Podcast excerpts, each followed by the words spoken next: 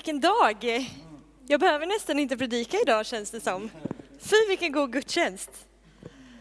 Um, men nu ska jag predika i alla fall, fast jag har strikta order om att hålla tiden väl, så ni får eh, vifta på mig när det blir för länge. Um, någonting har eh, fastnat i mig och det var för ett antal veckor sedan, jag kommer inte exakt ihåg när, så hade vi eh, någon som talade här eh, som sa, eh, mitt, i, mitt i sitt budskap så sa han, kom ihåg att keep the main thing, the main thing.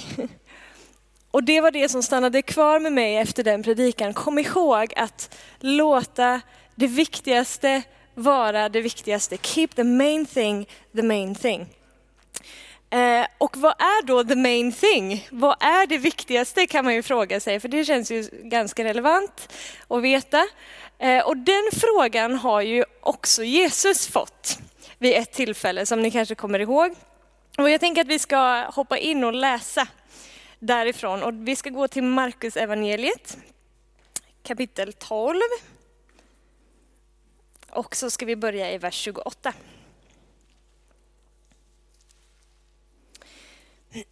En av de skriftlärda som hade hört dem diskutera insåg att Jesus hade gett dem ett bra svar. Han kom fram och frågade honom, vilket är det främsta av alla buden? So, what is the main thing? Jesus svarade, det främsta är detta. Hör Israel, Herren vår Gud, Herren är en. Och du ska älska Herren din Gud av hela ditt hjärta, av hela din själ, av hela ditt förstånd och av hela din kraft. Sen kommer detta. Du ska älska din nästa som dig själv. Inget annat bud är större än dessa. Det var det jag skulle säga. Det, då har vi liksom eh, rätt ut det. Det är det som är det viktigaste. Du kan glömma allting annat, men kommer du ihåg det här, då har du torrt om fötterna. Alltså, om allting annat skalas av, om allting annat faller till marken, eller om du bara lever i världens största förvirring, eller är distraherad till max. Vad är the main thing? Du ska älska Herren din Gud av hela ditt hjärta, av hela din själ, av hela ditt förstånd, av hela din kraft och du ska älska din nästa som dig själv. Det är det viktigaste. Det är vad Jesus säger. Det här är kärnan, min vän. Om du har detta på plats i ditt liv så har du väldigt mycket gratis som också hamnar på plats. Eh, och jag vet inte vad din känsla är liksom när, när du hör, när Gud säger till dig, jag vill att du ska älska mig av hela ditt hjärta, hela din själ, hela ditt förstånd, av hela din kraft. Så kan man antingen känna, amen, halleluja, vilken frihet. Eller så känner man, jag känner att jag kommer lite till korta här och vad jobbigt det blev liksom. Och så känns det lite ok och lite kramp och lite, lite press eller sådär. Ehm, så jag tänker oavsett vilket, vilket av de två lägren man befinner sig i, hur det här landar i ens hjärta när man hör det, så behöver vi ta vår utgångspunkt i vem Gud är. Därför att allting i våra kristna liv har sin utgångspunkt i honom och det har sin grund i hans karaktär. Och han skulle aldrig säga till oss någonting som han själv inte först har gett oss. Någonting som han själv inte först har utrustat oss till att göra eller först gett oss som gåva. Han skulle aldrig utkräva det av oss för att han är en god far. Så allting börjar hos honom. Och vi kan lägga upp nästa bibelord här då på skärmen som är ifrån eh, första Johannesbrevet 4 och 10. Kärleken består inte i att vi har älskat Gud, utan i att han har älskat oss och sänt sin son till försoning för våra synder. Och nästa, vi älskar därför att han först har älskat oss. Gud är kärlek. Han bara inte har kärlek till dig och mig, han är kärlek. Alltså att, att för honom att älska är liksom ett icke-val. Han kan inte välja något annat för att Gud agerar alltid utifrån den han är. Alltså han kan ju inte göra någonting annat liksom. Han är kärlek och han älskar, punkt. Han älskar dig, punkt. Och du och jag är skapade i hans avbild. Alltså, vi har fått förmågan att älska. Dessutom är vi skapade för att leva i relation med honom och med våra nästa. Där denna kärlek som har tagit sin plats i oss hela tiden får ta sig uttryck. Liksom. Så allting i dig är skapat och designat för att återspegla och reflektera det som Gud först har gett dig, den som han är. Du får liksom spegla det tillbaka till honom. All den kärleken som finns i dig har sitt ursprung i honom och du får ge det tillbaka. Älska för att han har älskat dig först. Och älska din nästa så som, så som du älskar dig själv och så som han älskar din nästa också. Jag tänker att det finns det här är på tal om hur vi ser på oss själva, liksom, eller hur det landar i oss när vi hör att du ska älska Herren din Gud med allt vad du är. Hur vi ser på oss själva, hur vi tänker om oss själva och vilka vi är, är ganska avgörande i det här. Eh, för man kan se på sig själv som att det är väldigt svårt att älska Gud, för jag är ju en syndare. Liksom. Jag är en syndare som hela tiden kämpar med att älska Gud. Jag kämpar hela tiden med att liksom, ge honom mitt bästa. Jag kämpar hela tiden med att leva upp till de kraven som, som han ställer på mig. Och egentligen så är jag liksom ganska värdelös eller så. Men även om din känsla är så, så är inte så är inte det sanningen. Du är ingen syndare i den bemärkelse som kämpar med att älska Gud. Din sanna identitet är att du är en gudsälskare som ibland kämpar med synd. För Gud har gjort dig helig, han har friköpt dig och din natur, ditt, ditt tillstånd i din skapelse så kallar inte Gud dig längre för syndare. Innebär det att vi aldrig syndar? Nej, det gör vi. Men vart du har din utgångspunkt i dig själv kommer att avgöra om du hela tiden känner att du kämpar med att älska Gud och kämpar med att göra det som han liksom kräver av dig. Eller om du känner att det är ditt naturliga tillstånd att faktiskt älska Gud. Och jag menar att det är ditt och mitt naturliga tillstånd att älska Gud. Vårt naturliga tillstånd är inte att vi kämpar med att älska Gud. Alltså allting annat som säger att, är, att jag är en syndare och att det är svårt för mig att älska Gud, det är någonting som den här världen har lärt oss. Det är ett beteende som den här världen har lärt oss. Det är ett tankemönster som den här världen har lärt mig för att hela tiden hålla mig på en plats där det känns som att jag kämpar i min gudsrelation. Liksom. Men Bibeln säger att då vi alltså har förklarat, förklarats rättfärdiga av tro så har vi frid med Gud.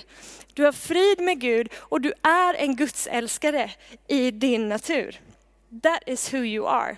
Så det här är liksom inte ett så här, försöka leva duktigt kristet, nu ska jag med allt vad jag är försöka att älska Gud, liksom. utan bara så här, men jag är en gudsälskare. Och ibland så kämpar jag med lite andra grejer.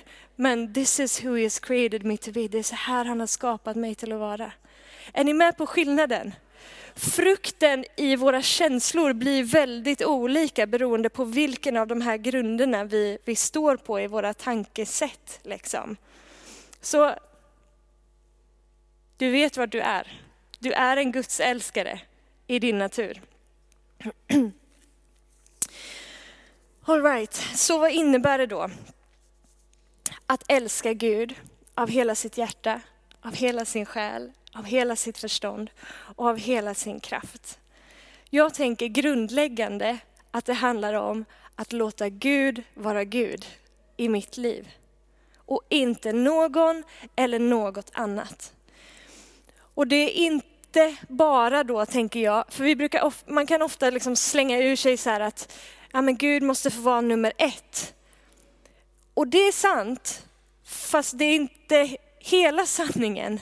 För Gud vill inte bara vara liksom nummer ett på din prioriteringslista där du liksom så här, yes bra nu har jag checkat av ettan, nu har jag älskat Gud en liten stund för att jag har läst Bibeln eller jag har bett en stund eller jag har sjungit lovsång en stund. Bra, då går jag vidare till nästa och så gör jag något annat. Liksom. För nu har jag liksom bockat av det här på min kristna lista att jag ska älska Gud.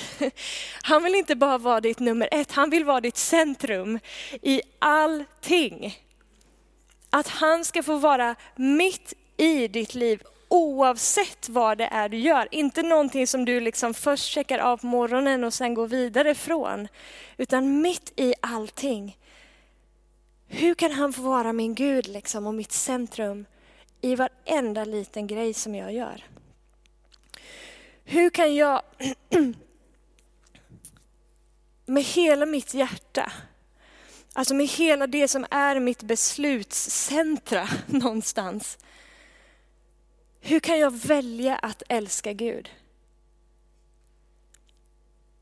Hur kan jag med hela mitt förstånd, alltså med mitt intellekt, hur kan jag välja att älska Gud med mitt intellekt? Alltså med de, med de tankar som jag tänker, eller med den, den logik som jag har, eller med de beslut som jag fattar, med de val som jag gör.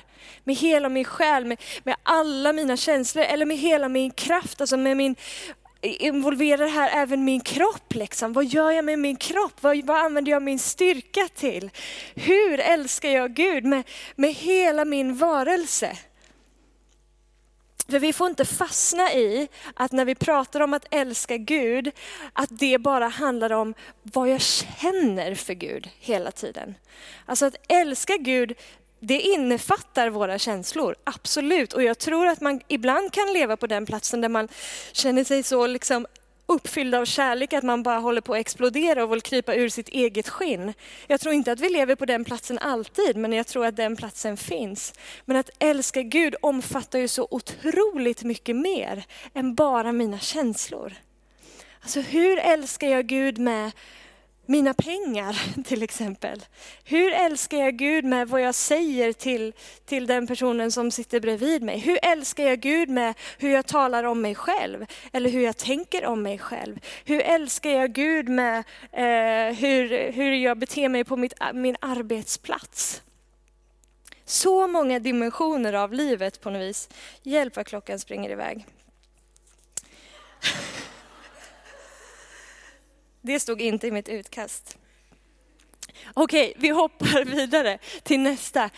Du ska älska Herren din Gud av hela ditt hjärta, hela din själ, av hela ditt förstånd, av hela din kraft. Och du ska älska din nästa som dig själv. Det här budet går liksom inte att skilja ifrån det första. Hur gärna jag än skulle vilja det ibland. Alltså, förstår ni vad skönt det skulle vara om det bara handlade om det första? Man kan ju vara världens liksom bästa, heligaste, frommaste, älskvärda människa så länge man bara står ensam i sin kammare med Gud. Och sen så ska man gå ut och möta andra människor. Och då, då sätts det där på prov lite grann. Helt plötsligt så blir det lite jobbigare än vad jag önskade att det var. Men kärlek, det jag vill komma till är, kärlek ser ut som någonting det är inte bara liksom en fluffig känsla eller så som jag liksom hävdar att jag har till Gud. Om jag hävdar att jag älskar Gud, ja men hur ser det då ut liksom? Kärleken är konkret, den visar sig någonstans i, i hur jag lever mitt liv och i min handling och det tar sig uttryck i hur jag relaterar till min nästa. Eh, jag vet inte om, alltså alla ni som eh, lever i en en relation och framförallt kanske äktenskap men även eh, i vänskapsrelationer. Man, ni kanske har upplevt det någon gång att ni säger till den andra personen att jag älskar dig eh, och får till svar någonting i stil med att ah, men, om du älskade mig då skulle du faktiskt diska ibland. Eller om du älskade mig så skulle du inte säga sådär. Eller om du älskade mig så skulle du köpa blommor någon gång ibland. Alltså det finns någonstans hos motparten ett, ett krav eller en förväntan på att ja, om det är som du säger, att du älskar mig, visa mig det då. Låt mig se det. Och jag uppfattar det nästan som att Guds sätt att säga det här är om du älskar mig, om du säger att du älskar mig, älska då din nästa. Det är mitt bud. Det är så det ser ut, det är så det kommer ta sig uttryck. Så vet jag att du älskar mig, om du går ut och älskar din nästa. Eh, vi kan läsa det från Johannes evangeliet kapitel 15 och vers 10-12. Så säger Jesus så här, om ni håller mina bud blir ni kvar i min kärlek, liksom jag har hållit min fars bud och är kvar i hans kärlek. Detta har jag sagt er för att min glädje ska vara i er och för att er glädje ska bli fullkomlig. Detta är mitt bud, att ni ska älska varandra så som jag har älskat er. Alltså om ni håller mina bud så blir ni kvar i min kärlek. Detta är mitt bud, att ni ska älska varandra så som jag har älskat er. Att älska sin nästa är ju lättare ibland än andra gånger. Ehm,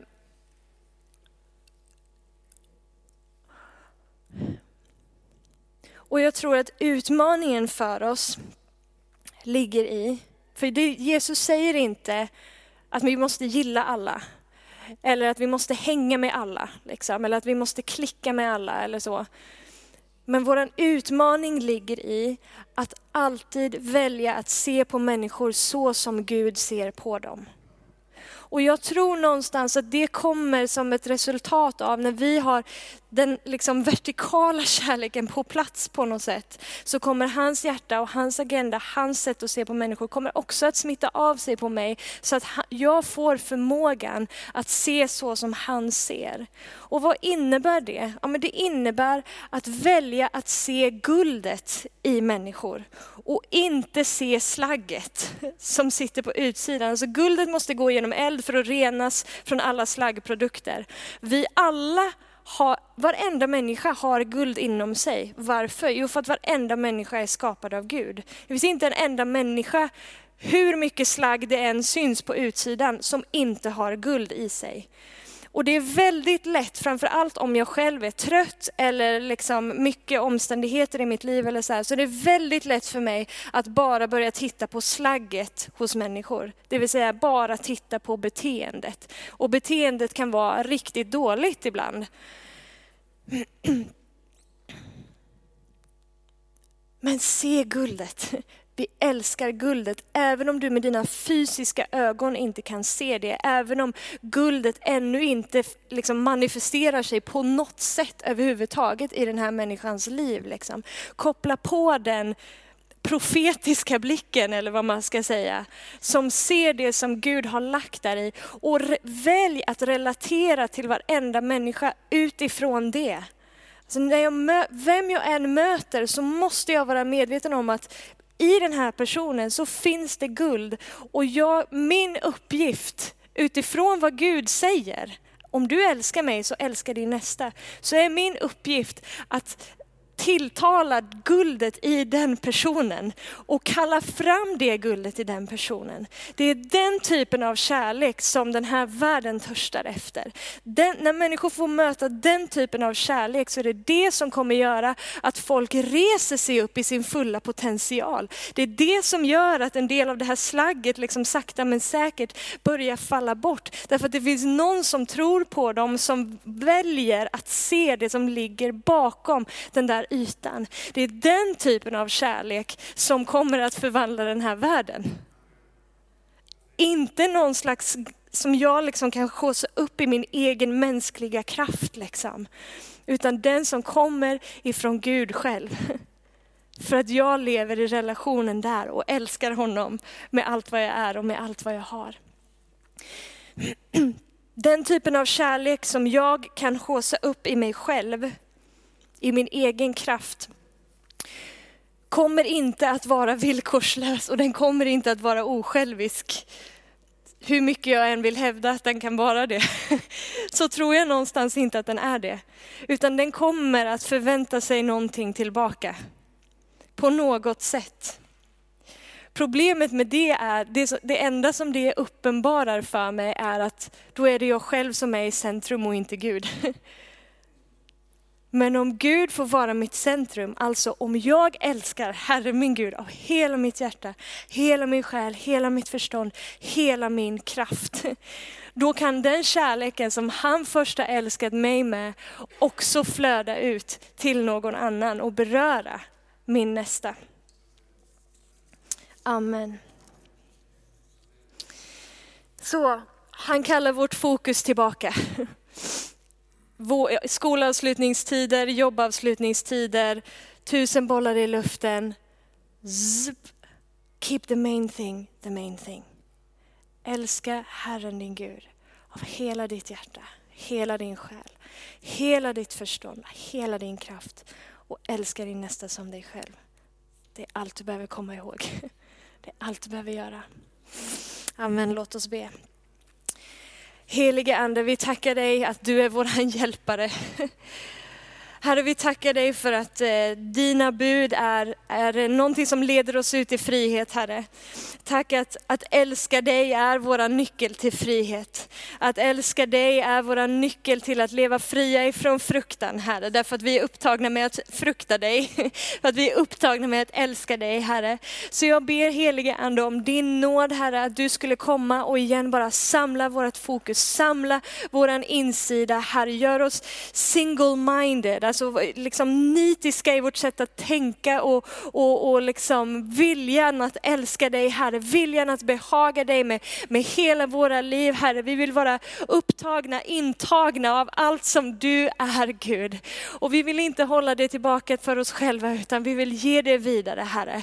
Tack att du prövar oss i vår kärlek till dig genom att sätta medmänniskor i vår närhet Herre. Och, och tack att vi får slipas emot varandra Gud. Och jag ber att vi i Linnéakyrkan skulle vara ett folk som väljer att se guldet i varandra. Som väljer att se bortom slagget Gud. Hur trötta vi än kan vara eller hur omständigheterna än ser ut så väljer vi att se guldet och kalla fram det i varandra så att vi får se din avbild ta ännu mera form i oss Gud.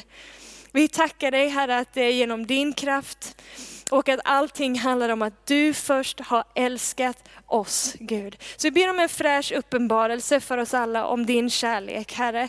Ber att du igen skulle liksom dränka oss i din kärlek, Herre. Låt det få genomsyra oss, flöda genom oss med, med allt vad vi är, Herre. Så att vi igen får liksom uppleva den, den första kärleken till dig, Gud. I Jesu namn så ber vi. Amen.